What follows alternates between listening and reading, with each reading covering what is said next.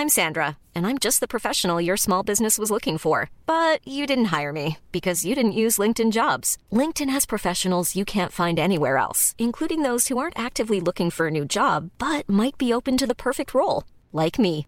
In a given month, over 70% of LinkedIn users don't visit other leading job sites. So if you're not looking on LinkedIn, you'll miss out on great candidates like Sandra. Start hiring professionals like a professional. Post your free job on linkedin.com/people today. Quality sleep is essential. That's why the Sleep Number Smart Bed is designed for your ever-evolving sleep needs. Need a bed that's firmer or softer on either side? Helps you sleep at a comfortable temperature? Sleep Number Smart Beds let you individualize your comfort so you sleep better together. JD Power ranks Sleep Number number 1 in customer satisfaction with mattresses purchased in-store. And now, save 50% on the Sleep Number limited edition Smart Bed for a limited time. For JD Power 2023 award information, visit jdpower.com/awards. Only at a Sleep Number store or sleepnumber.com.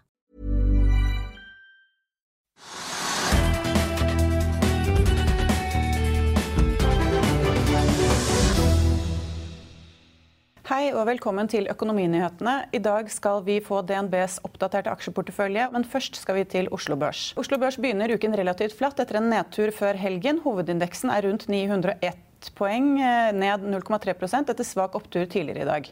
Selvåg bolig er en av dagens foreløpige vinnere, etter nyheten om at selskapet skiller ut tomtebanken og selger den til Urban Property for 3,4 milliarder kroner. Boligbyggeren varsler samtidig om utbytte på 22 kroner per aksje, og kursen er opp ca. 13% i morges kom Havyar Group med en børsmelding om store økonomiske vansker. Egenkapitalen i datterselskapet Havyar Ship Technology er tapt, og kursen stiger stuper over 24 Eh, Hjørnestensbedriften i Sogn og Fjordane med rundt 200 fast ansatte hadde ifølge NRK et allmøte i dag for å informere om den kritiske situasjonen. Og det siste året har Havyar-kursen falt rundt 74 også off- offshoreleverandøren Nekkar er blant dagens tapere og faller nesten 32% Årsaken er uenighet om pris ved oppkjøp av selskapet. Et fat brentolje står i ca. 62,6 dollar, ned rundt 1,2% Kronen handles noe sterkere enn tidligere i høst, men er fortsatt over 10%, nei, 10 kroner mot euroen og ligger rundt 10,09. Eh, Nå skal vi over til DNB-porteføljen og teknisk analyse. God morgen og velkommen til DNB Markets morgensending. Det er mandag 18. november i dag. Og vi skal eh, gå kjapt gjennom porteføljen, men eh, først øh, Vår åpningsmodell indikerer en åpning opp eh, 0,2 i, i nå om et lite kvarter. Eh, er disse handelsforventningene, eller forventningene om en litt fremdrift i handelssamarbeid eller forhandlingene, og også da mulighetene for å, for å unngå disse tolløkningene som er annonsert å komme i midten av desember, som eh, trekker opp oljeprisen også litt opp. Og vi så også en positiv utvikling for eh, helsesektoren eh, i USA på eh, fredag. Eh, Dette har altså forplantet seg videre i Asia i morgentimen i dag, og, og også da en, en viss oppgang her, med litt eh, drahjelp også av den kinesiske sentralbanken, som har eh, lettet eh, litt på de kortsiktige rentene, og det har også bidratt til å løfte markedene der.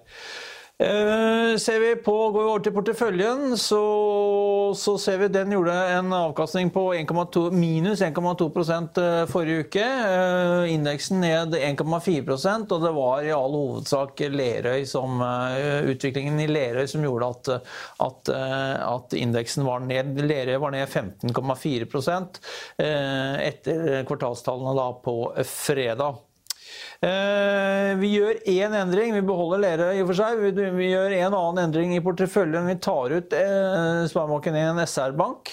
Eh, der kom Q3-tallene inn litt svakere enn ventet, og det er jo en liten stund tilbake. Men vi har sett at, at momentum i aksjen der har, har dabbet litt av. Aksjen er opp 14% siden vi tok den inn, men, men de siste ukene har vært en litt mindre mindre positiv bidragsyter.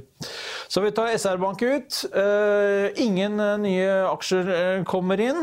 Eh, skal vi gå litt tilbake til Lerøy. Der har vi også da gjort en justering på, på kursmålet. Vi har tatt kursmålet ned fra 72 til 65 kroner. Etter å ha justert for den guidingen på volumet som selskapet kom med i forbindelse med kvartalsrapporten.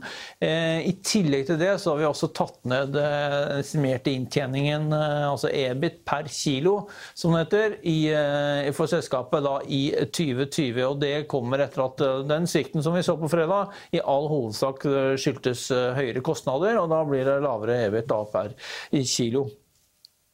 Eh, når det gjelder denne saken med amerikanske eh, myndigheter og et eh, mulig prissamarbeid, så mener jeg at den i og for seg var Nyheten om at Lerøy også var, var, var under, under etterforskning i den forbindelse, eller er samtaler i den forbindelse, sammen med SalMar vel, og Grieg og det mener vi at de, det var ute på fredag. Så jeg tror ikke det kommer til å, å påvirke aksjen over åpning, spesielt i dag.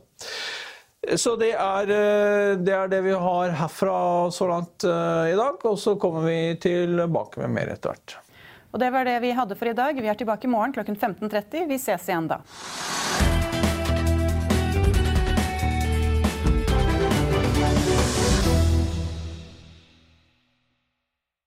Økonominyhetene er en podkast fra Finansavisen. Programledere er Marius Lorentzen, Stein Ove Haugen og Benedikte Storm Bamvik. Produsenter er Lars Brenden Skram og Bashar Johar. Og ansvarlig redaktør er Trygve Hegnar.